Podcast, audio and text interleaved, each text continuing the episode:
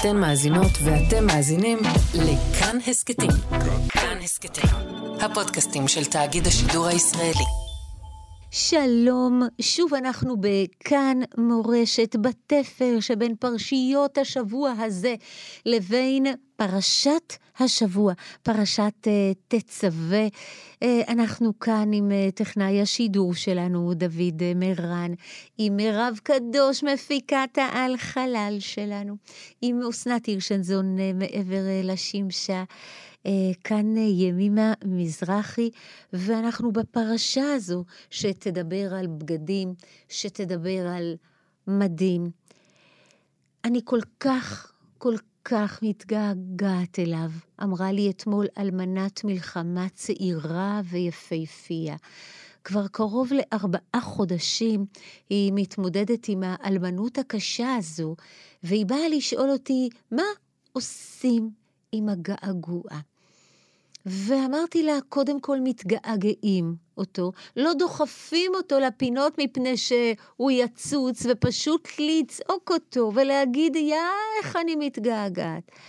אבל, אמרתי לה, תנסי עוד דבר. פשוט תיקחי בגד שלו ותתעטפי בו. תיקחי סידור שלו ותתפללי בו. אז היא אמרה לי, מה, כמו חפץ מעבר? ואמרתי לה, בדיוק. מאיפה המצאתי את ההמצאה הזו, שנראית משונה ומוזרה? חשבתי על אליהו, הנביא שעולה בסערה השמיימה, ואלישע שמרגיש כמו הבן שלו, לא יודע את נפשו. אבי, אבי, רכב ישראל ופרשה, והוא רואה מרכבת אש ענקית, ואז שלוש המילים אולי הכי מרגשות בתנ"ך, ולא ראה הוא עוד. איזה מילים, אמא. אליהו יודע שאלישע לא יעמוד בגעגוע. הוא לא יעמוד בפרידה הזו של מרכבת האש המופלאה הזו שעולה לשמיים ולא ראה הוא עוד. אז הוא משיל מעצמו את אדרתו, אדרת אליהו, ופשוט משאיר אותה לבנו, תלמידו, אלישע. ואלישע מתעטף באדרת הזו של מורו ורבו האהוב, והוא מרגיש שהוא פשוט נספג אליו בצורה הזו. אין לנו מושג עד כמה האדם נספג בבגדיו ובמדיו, עד כמה המדים נספגים באדם עצמו, ואיך כתוב על אסתר המלכה, ותלבש אסתר מלכות, ותעמוד בחצר בית המלך הפנימית. וחז"ל אומרים, צריך להיות כתוב, ותלבש אסתר בגדי מלכות. למה כתוב ותלבש אסתר מלכות? יש כאן הגדרה מדהימה של תפקיד הבגדים, של תפקיד המדים, וילבש הכהן מידו. בד, מדים, הם בגדים של הכהן הגדול גם. מה זה ותלבש אסתר מלכות? היא אומרת לעצמה, תקשיבי טוב, אם הסיפור שלך הוא סיפור של איזה אסתר, שנחטפת מהבית שלה ואין לה אבא ואין לה אימא וצריכה להיות עכשיו במרתפים עם האיש הגואלי הזה, אחשורוש, אז אני פשוט אמות. כי בסיפור הפרטי שלי אני לא מסוגלת לעמוד. אבל אם אני אבין שמה שאני עושה עכשיו הוא חלק ממלכות מאוד מאוד גדולה. זה לא רק הסיפור של אסתר. נמכרנו אני ועמי. נכון, אני כאן, אני לא נמחקת תחת גלגלי העם. אני ועמי. תינתן לי נפשי בשאלתי ועמי בבקשתי. כשזוכרים שכל הכאב הזה הוא חלק מאפוס ענק, אני יכולה להתלבש בבגד הזה ולהרגיש פתאום קצת מוגנת, איך כתוב? התנערי מעפר קומי, לבשי בגדי תפארתך, עמי. לפעמים הבגדים שמרימים אותנו מצער שאי אפשר לשאת, זה התזכורת שאני חלק מאפוס ענק. אני נושאת עכשיו בצער שהוא חלק מסיפור מאוד מאוד גדול. הוא לא רק הסיפור שלי. היכולת הזאת של לא להישאר לבד בסיפור הזה, זו יכולת לשים על עצמי אפוד של הגנה. אחד המחלצים, קוראים לו ד', שחילץ את אה, פרננדו ולואיס, אמר בפשטות כזאת, כאילו אנחנו מבינים את שפת הקודים הצבאית הזאת שלו, נשכבתי על פרננדו, הייתי הקרמי שלו. וואו. פשוט היה אפוד קרמי של בן אדם אחר. האפוד מופיע בפרשה שלנו, האפוד של הכהן הגדול. וכמה רש"י מתקשה בהבנה של פריט הלבוש הזה, הוא יזהה אותו דווקא אצל נשים. אצל נשים נסיכות. כי כן תלבשנה בנות המלך הרוכבות על הסוסים, ליבי אומר לי, כך אומר רש"י בביטוי כל כך נדיר, ליבי אומר לי שאפוד זה בגד של נסיכה.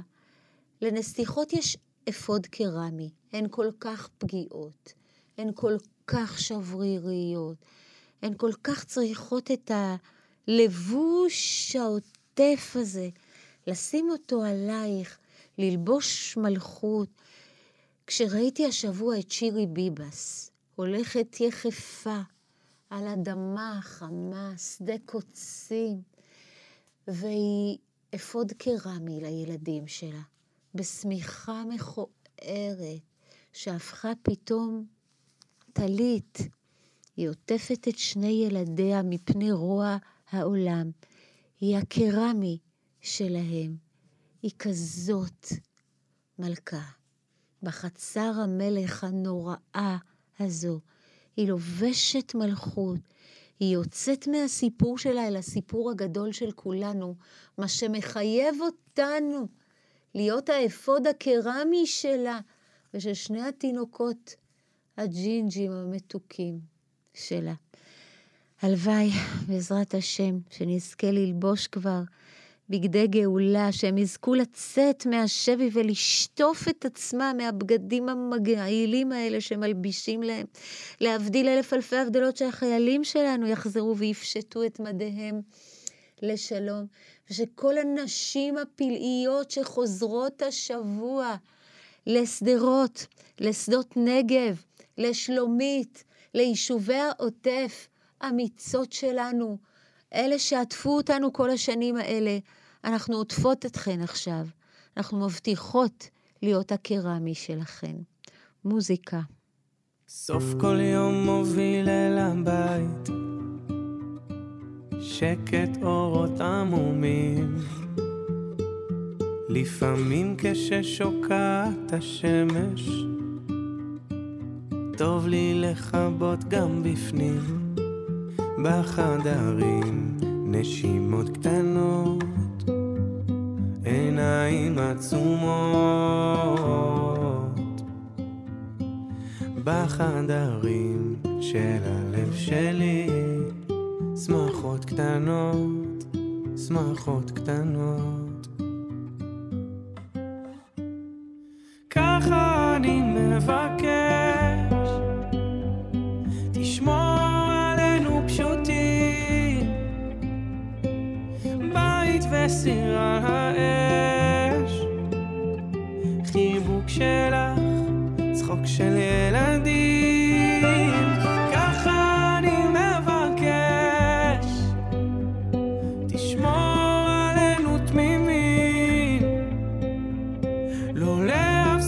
להפסיק להתרגש. חיוך שלך, צחוק של ילדים.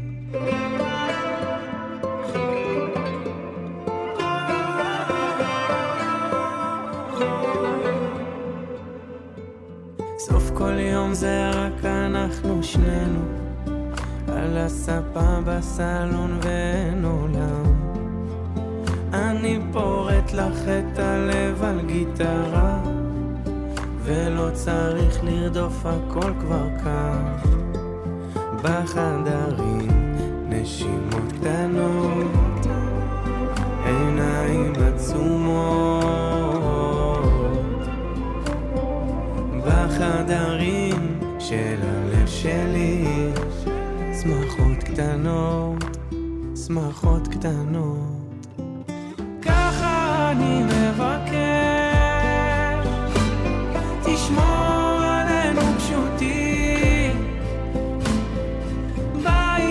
וסיר על האש, חיבוק שלה, צחוק של ילדים, ככה אני מבקש, תשמור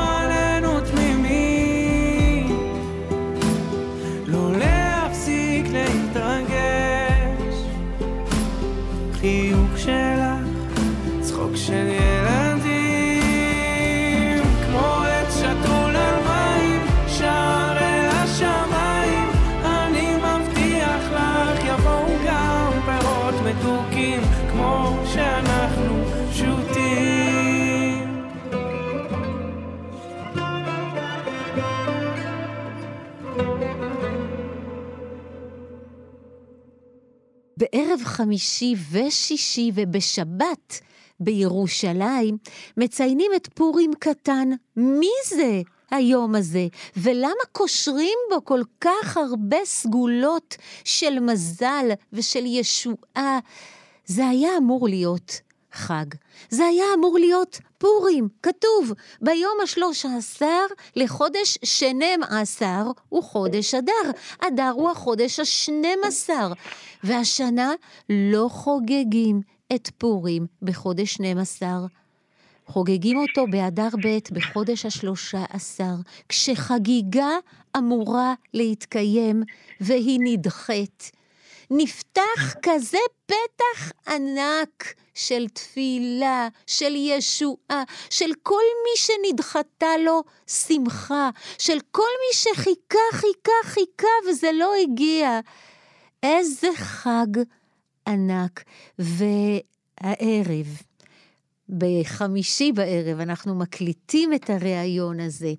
אה, מתרחשת לה חתונה מדהימה, חתונה שהחתן עדיין לא יודע עליה. ואני רוצה לומר מזל טוב גדול לכלה יובל. שלום יובל. שלום, תודה, תודה רבה.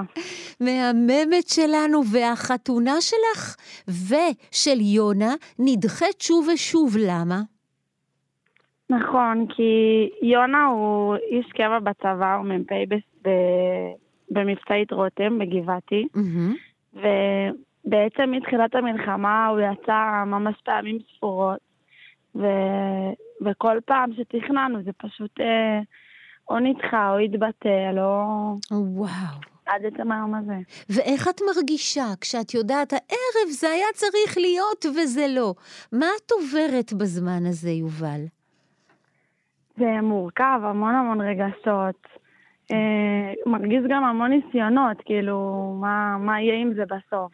וואו. אה, ו... ועד עכשיו, עד עכשיו זה ניסיון, הוא בכלל עדיין לא יודע, הוא לא זמין, הוא עוד לא יצא מעזה.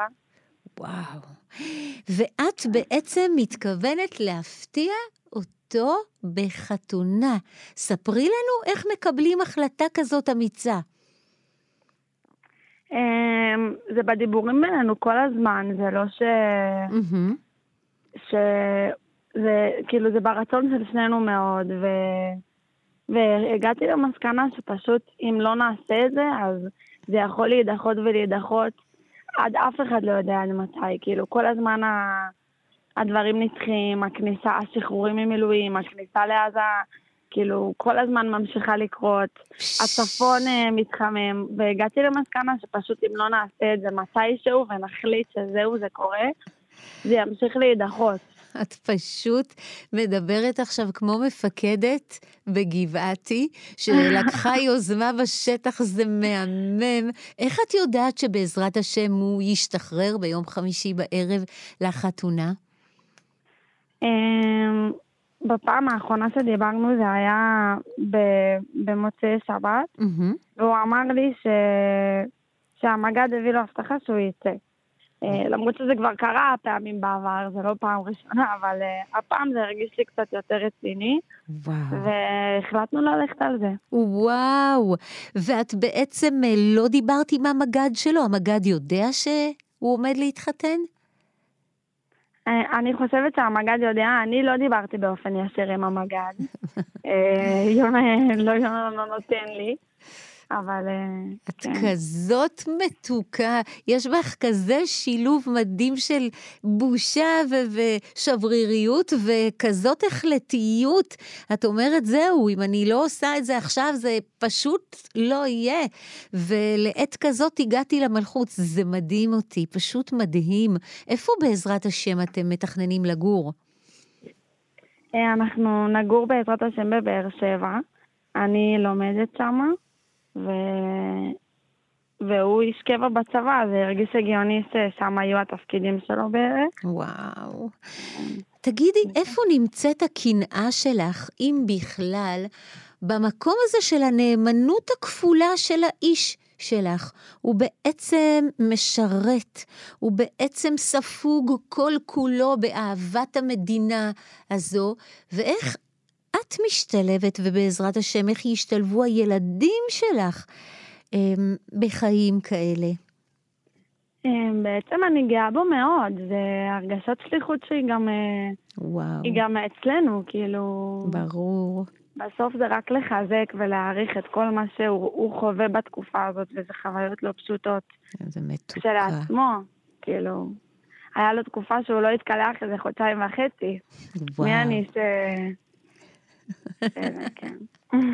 שזה כבר קורבן מצידך להתחתן ככה.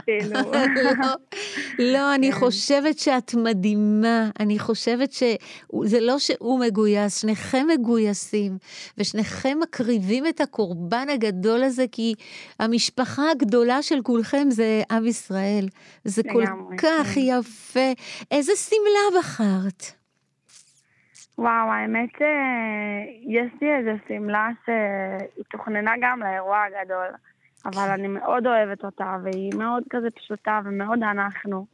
אז אה, בעזרת השם אני אשים אותה, וואו, אני... באווירת זה שזה ספונטני ופשוט. אז אה, אני כן. רוצה להגיד לך משהו, הכל פה פשוט חוץ ממך.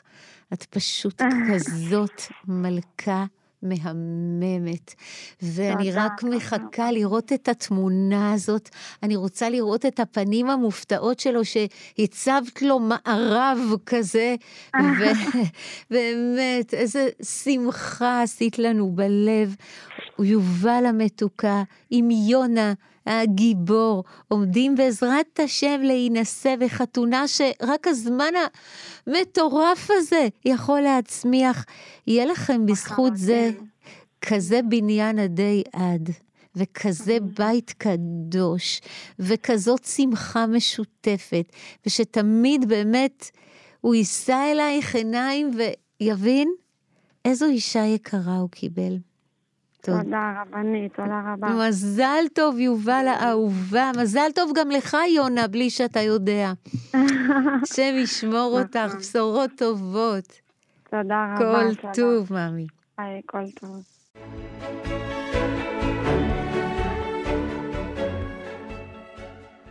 אז אמ, אנחנו לא מפסיקים אה, לבחון בהשתאות את הנבחרת הזו של האנשים שמתעקשים להתהלך בעם בשדות השרופים, בלבבות השבורים, ולהתעקש להצחיק אותנו.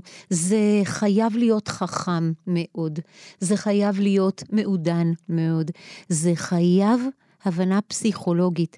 ואת כל התכונות האלה יש ב...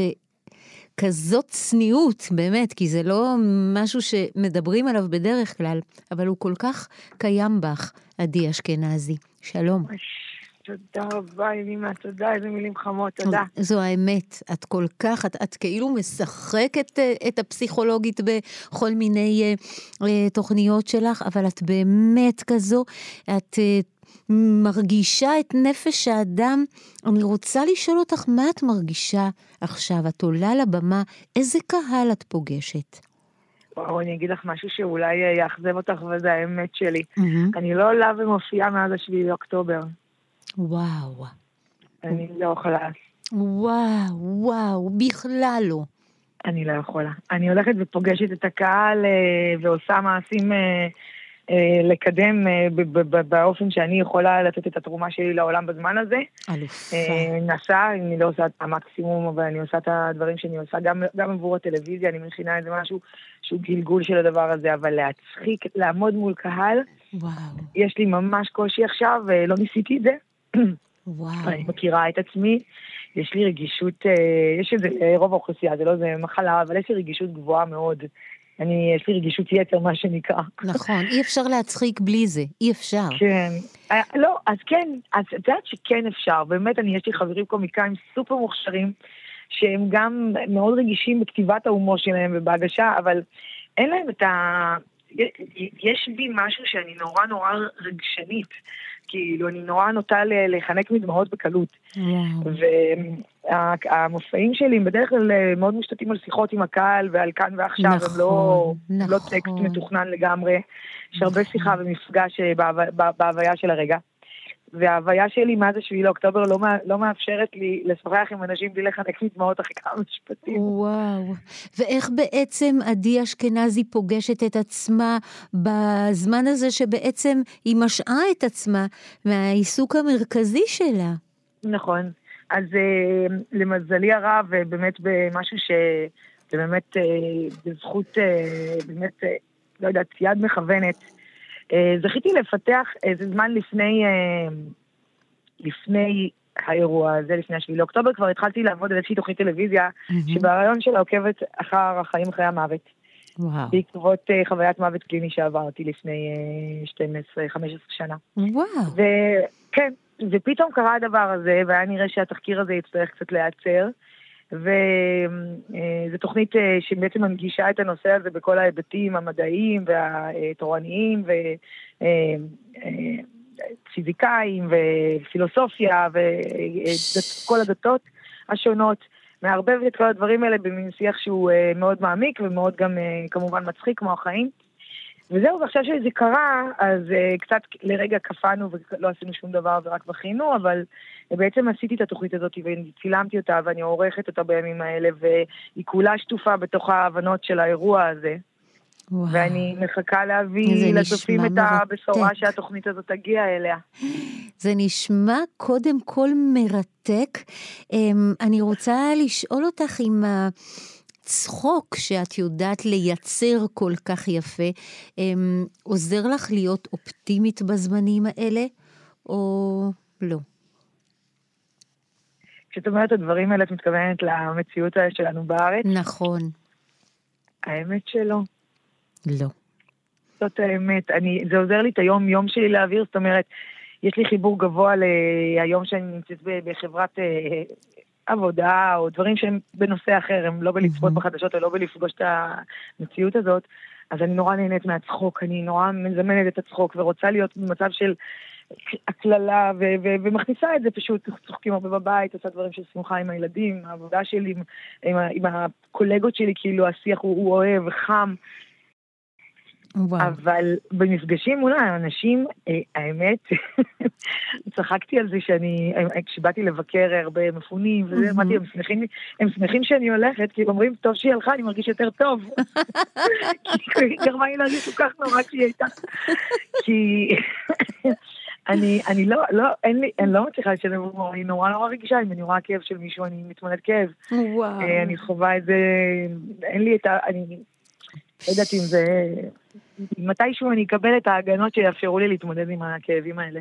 וואו. אני לא חושבת שמה שיש כרגע הוא ניתן להכלה... אה, את מאוד, מאוד לא? צודקת. לא? כן, אני שומעת אותך. אני אומרת, יש לנו כאבים שאנחנו רגילים, מכירים מהחיים שהם יכולים להיות uh, גדולים, הם מספיק גדולים שאי אפשר להכיל אותם, מאשר הדבר הזה שהוא באמת לא ניתן להכלה, אני חושבת. איזה יופי. הוא יותר מדי, הכמ- הכמותיות שבו. וואו.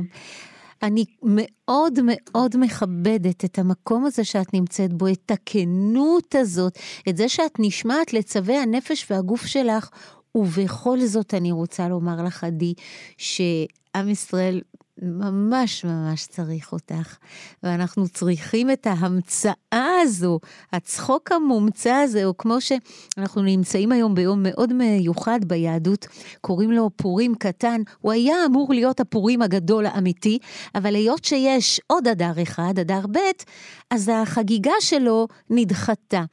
ובעצם אנחנו ממציאים בו שמחה. אה, לא כתוב שצריך לשמוח בו, אבל אנחנו ממציאים את השמחה. אה, ויש בזה המון המון עוצמה. אני קוראת לזה מסיבות אה, בלי נסיבות. דווקא ההומור הזה שמתעקש על עצמו אה, במקום שבאמת אה, אין לו מקום, יש בו עוצמות אדירות. אז אה, תתאפסי על עצמך, גברת. תודה, וואי, איזה, איזה, במקום, איזה הנאה לפעולה, תודה, תודה שאמרת לי את זה. תודה. אנחנו צריכים אותך ואנחנו אוהבים אותך, ויש ביטוי כזה בגמרא, נתנו לו שכר על הפרישה יותר מאשר על הדרישה. היה דרשן מאוד מאוד גדול, והיו נסיבות שהוא פשוט לא היה יכול לפתוח את הפה, והוא קיבל שכר על הפרישה הזו, ממש כמו שהוא קיבל על הדרשות המבריקות שלו. אני מצדיעה לך, באמת, על, ה, על התקופת אה, שקט הזו, זאת אמירה. כן, כן. כן, תודה רבה, ובאמת זה אוהבים חלק אותך. מתהליך ההתפתחות, ואני מחכה לרגעים האלה של, ה, של המפגש עם הקהל שוב, וש... בעזרת שיחזרו החטופים, ושהלב. שלנו יחזור. אמן. אמן. איך אמרת? אמן. מחכים לחיים שאחרי המוות. בואו נראה איך הם ייראו. נכון, נכון, ובאמת אני רוצה להגיד מילה כן. בפורים הזה. מהמם. אני רוצה להגיד שאני מאוד מחוברת לאהבת ישראל, ואני מאוד אה, חושבת שהימים האלה הם ימים שבאים להראות לנו את זה, את הייחוד שלנו כעם. חלק מהייחוד שלנו כעם, כמה שמדברים על להיות ביחד, כל מיני דברים שבסוף נהיים חלולים מרוב, מהמם. מרוב אמירות וקלישאות, אבל לפעמים פשוט צריך לעשות את הפעולה, את, את המעשה הנכון, ואני קוראת פשוט לכל עם ישראל להסתכל על משפחות החטופים ולהתנהג כאילו אלו היו ילדינו, אנחנו לא עושים פוליטיקה, אנחנו האזרחים, אנחנו צריכים רק לעשות את המעשה. הא- האחריות להתנהג כאילו זה אחינו וילדינו נמצאים שם בשבי. וואו. זה הכל, פשוט להתנהג ככה ולא לחשוב, לא פוליטיקה ולא, אה, אנחנו לא קברניטי מלחמה, אנחנו צריכים להיות אחים של משפחות החטופים, להתנהג כאילו זה האחיינים שלנו. אחינו כל בית ישראל, הלוואי שנראה אותם חוזרים, ושתצחיקי אותם בעזרת השם. אמן ואמן. אוהבים תודה אותך רבה לכם על המון. ההזדמנות לדבר איתך, אני אוהבת אותך. אני תודה. אותך, רק טוב שיהיה לנו. אמן ואמן, תודה רבה. טוב.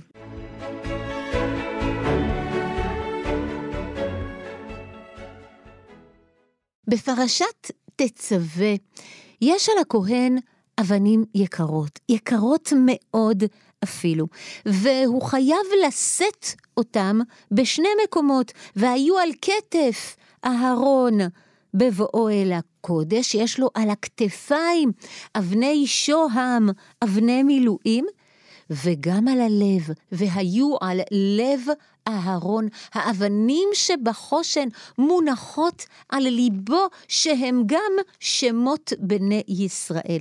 זה מדהים. האבנים היקרות זה העם.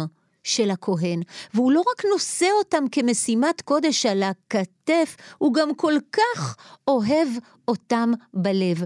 היה איזה משפט שריגש אותי מאוד בחילוץ של לואיס ופרננדו מעזה, הם, כשהם היו בידיהם, הם אמרו בקשר, היהלומים בידינו.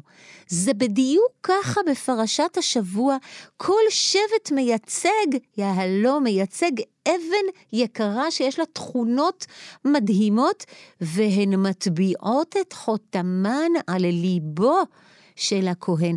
אז מה הסגולות של היהלומים האלה, ואיך אנחנו באמת מגולמים באבנים, איך הן, חומר הגלם הזה, יכול לגלם אנשים? על כל השאלות המרתקות האלה אנחנו רוצים לשאול את מנחם ספדרמיש, גמולוג, מומחה ליהלומים ואבנים יקרות, וכותב הספר אבני החן. שלום מנחם ספדרמיש.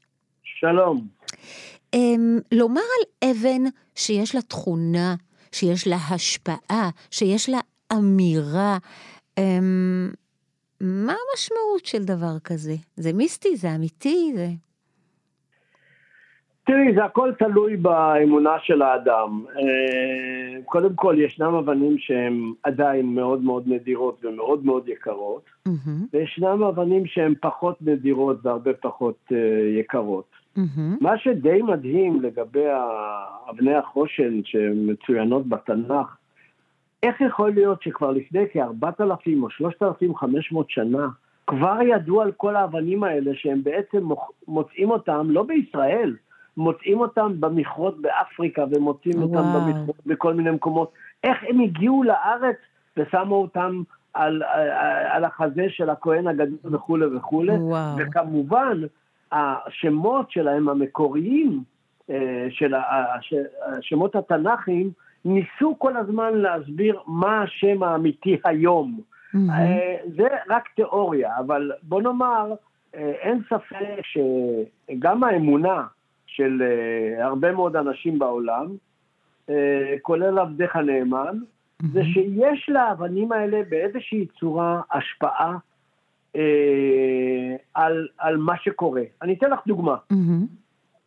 אה, חברה מהצבא שלי אה, מהעבר מצלצלת אליי ואומרת לי, תשמע מנחם, הבת שלי מנסה כבר שנים להיכנס להיריון ולא מצליחה להיכנס להיריון. אני שמעתי שיש איזה אבן שאם, אה, היא אבן מזל כזאת מיוחדת, שאם נותנים אותה זה יכול לגרום וגם לדבר כזה. אמרתי לה, נכון, לאבן הזאת קוראים רובי. וואו. ומה שעשיתי זה, מכיוון שהם חברים מאוד טובים שלי, וזה לא היה בדיוק אבן זולה, אבל נתתי להם את זה, נתתי לילדה הזאת את זה מתנה, נתתי לאימא והיא נתנה את זה לבת שלה, וזה אחרי שש שנים שהיא, נכנס, שהיא ניסתה להיכנס להיריון. Mm-hmm. אחרי uh, חצי שנה בערך, מתקשרת אליי הידידה הטובה הזאת שלי ואומרת לי, מנחם, אתה לא תאמין, היא בהיריון. וואו. עכשיו, הם הזמינו אותי, אחרי זה לראות את הנכדה המדהימה שיצאה מהרובי הזה, זאת אומרת, אתה יכול להאמין או לא להאמין. עכשיו, אתה מדבר עם אנשים מומחים, אז הם אומרים לך, תשמע, יש פה השפעה פסיכולוגית mm-hmm. גם, שאם הבן אדם מאמין שאכן האבן תגרום לו, אז ההפרשות של הגוף משתנות. אמרתי לו, זה לא משנה, עובדה, ש... נתינת האבן הזאת גרמה. עכשיו, יש הרבה מאוד אנשים שמאמינים שאותם אבני החושן מהסוגים השונים, יש להם השפעות מסוגים שונים על, אה, על כל מיני אנשים. Mm-hmm, mm-hmm. זהו. עכשיו, יש את השמות התנ"כיים, אודם, פיתדה, ברקת, נופך, ספיר, יהלום, לשם, שבו, שבו החלמה, תרשיש, שוהם וישפה. Mm-hmm. זאת אומרת, זה השמות של פעם. Mm-hmm. ניסו למצוא לזה ואני עסקתי גם במחקר הזה, כן, בנושא הזה של מהו השם התנ"כי. מה השם המשמש היום בארץ. בעברית, מה השם האנגלי. מה השם באיטלקית, מהו השם הרומי, מה פירוש רב סעדיה גאון, וואו. תרגום אונקלוס, יוספוס פלביוס וספר הערוך.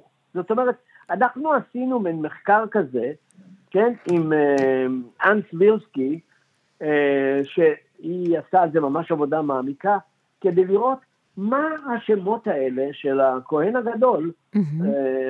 עם אבני החושן שלו, הפכו במשך השנים לאיזה שהם שמות. כן. תרגם לנו. כן. אני אתרגם לך. למשל, אבן אודם. זה היום בעברית זה רובי. שזה אבן אדומה. באנגלית רובי, באיטלקית זה רוביני, רובינו, בסעדיה גאון זה אחמר, באונקלוס זה סמקן, וספר הערוך זה אבן אדמה. זאת אומרת, בעצם כל אחד מה... במשך אלפי השנים שזה עבר, כל אחד נתן לזה טיפה שם שונה, אבל היה מדובר בעצם על אותה אה, אבן. כמובן שזה רק מחקר שנעשה לדברים האלה. עכשיו, האבן הבאה, למשל, אה, שהיא מאוד חשובה, היא האמרלד, שזה כן. הברקת. באנגלית זה אמרלד. איזמרגד. לא. לא? באנגלית זה אמרלד, זה ברקת. בפירוש אה, של אה, רב סעדיה גאון זה אספר, תרגום אונקלו זה ברקן, וספר הערוך זה איזמרגדים. וואו, איזה יופי. ומה גורם למנחם סבדרמיש אה, להתעסק בכלל באומנות הזאת, או באומנות הזאת? קודם כל, אני, אני אה, דוקטור לגמולוגיה, עשיתי אה, קורסים באנגליה והקמתי את המכון הגמולוגי הראשון בארץ, mm-hmm. שעדיין עובד לפני 45 שנה, ומאוד עניין אותי כל הנושא הזה של האבני חן והמחקר עליהם וכולי. ופתאום הסתבר לי, את יודעת, כמה שנים אחרי זה, כשבאו כל מיני אה, חרדים ודתיים שעבדו בבורסה ושאלו אותי, כי הם התעסקו בעיקר ביהלומים, כן? Mm-hmm. מה, מה אני יודע על הדבר? אמרתי, תשמעו, אני יודע את השמות באנגלית, אבל אז התחלתי להיכנס יותר ויותר לעומק, mm-hmm. אז זה אחד המחקרים, אבל עיקר המחקרים שלנו היה מהם המקורות של האבנים האלה, איפה מוצאים אותם היום וכולי וכולי, ועד היום אני, יש לי מפעל בבנקוק שאנחנו מייצרים אבני חן, וואו. ומוכרים את זה בכל העולם, יש לנו גם משרד באוסטרליה, ואנחנו uh, בסדר. וואו. מנחם סבדרמיש, איזו אבן אהובה עליך במיוחד? תראי, אה, היא דווקא אבן שלא נמצאת באבני החושן, היא אבן שמצאו אותה לפני כ-60 שנה, mm-hmm. שנקראת טנזנאית, היא נמצאת בטנזניה. וואי, היא מהממת, האבן היא בצבע כחול, אבן בצבע כחול מדהימה, יפה, ועבדך הנאמן הוא אחד מהספקים אה, בעולם אה, חשובים בנושא של טנזנאית. ולמה היא כזו יקרה, מדהימה, יקרה? mm-hmm. היא, היא אבן מדהימה ביופייה. היא דומה לספיר, אבל יש בה איזה טאץ' כזה של... של ים. פר, של פר, לא, של פרפל דווקא, של טיפה של אה, סגול, אבל היא מדהימה ביופייה, ויש לה דרישה עולמית. עכשיו, כמובן, אין לה את ההיסטוריה של ספיר, שספיר mm-hmm. זה, אני לא יודע, עשרות אלפי שנים המין האנושי אה, משתמש בהם, אבל הטנזנה כאילו תפסה מקום מאוד מכובד באבנים, זה האבן האהובה עליי ביותר. וואו. מה אני חושב שהיא גורמת? אה, את יודעת, יש כל מיני מחשבות, יש כאלה שחושבים שהיא... מרגיעה. אה, מעלה את האפקט שלך ואת העוצמות שלך, גם מבחינה של אה, הצלחה וכולי. זהו.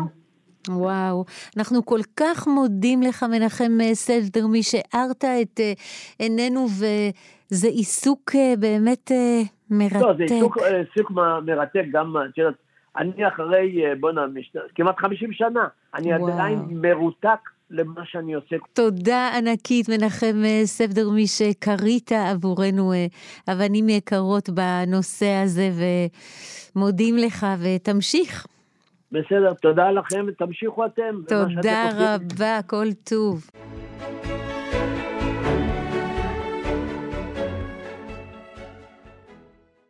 אז מאז אה, ככה בשבועות האחרונים שעולה רחלי אה, מושקוביץ לתוכנית וקוראת את השיר המדהים שפשוט יוצא ממנה, ככה זה נראה, אני שומעת כל כך הרבה תגובות מתרגשות וכל כך הרבה התפעלות והשתאות ובעיקר הזדהות. אה, אני חושבת שזה הכוח של שירה, מכווצת כל כך הרבה תחושות למילים שהן פיצצות מצרר שמכילות כל כך הרבה. שלום רחלי מושקוביץ. שלום וברכה. ובאמת אה, דיברנו על אה, אבנים יקרות, ואני חושבת שאת קוראה יהלומים בכל שבוע, ועונדת אותם על ליבך ועל כתפייך, ממש כמו הכהן.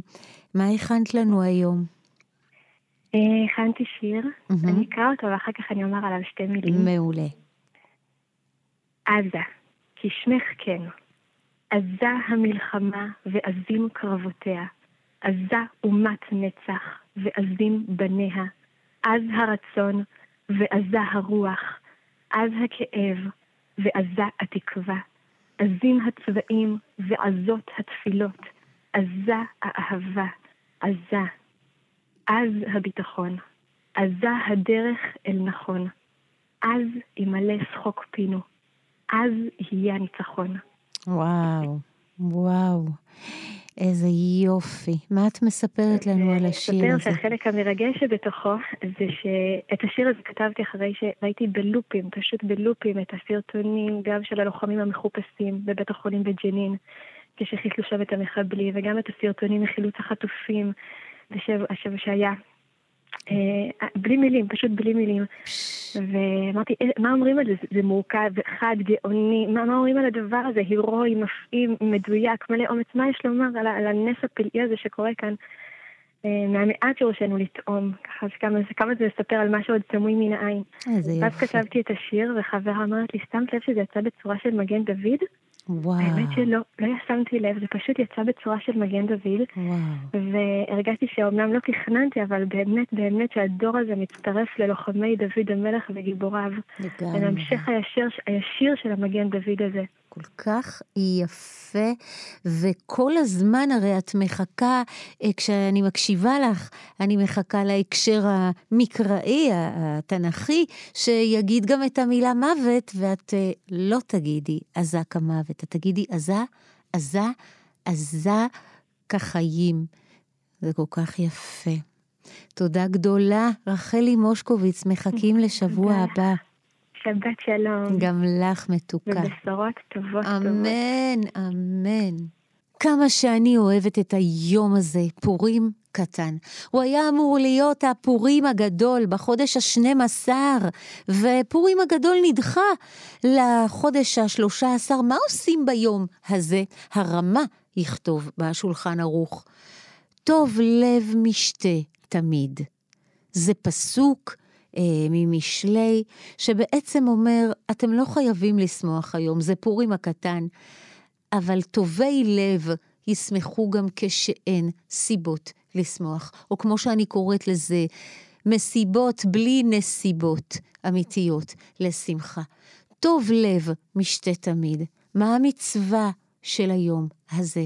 אומר רבי צדוק הכהן מלובלין, היות שזה חגם של טובי הלב, חג שנחגג בלב, תשלחו משלוח מנות בלב לאנשים שאתם אוהבים, מחשבות טובות, לשלוח מחשבות טובות, לשלוח איחולים טובים, ייחולים טובים.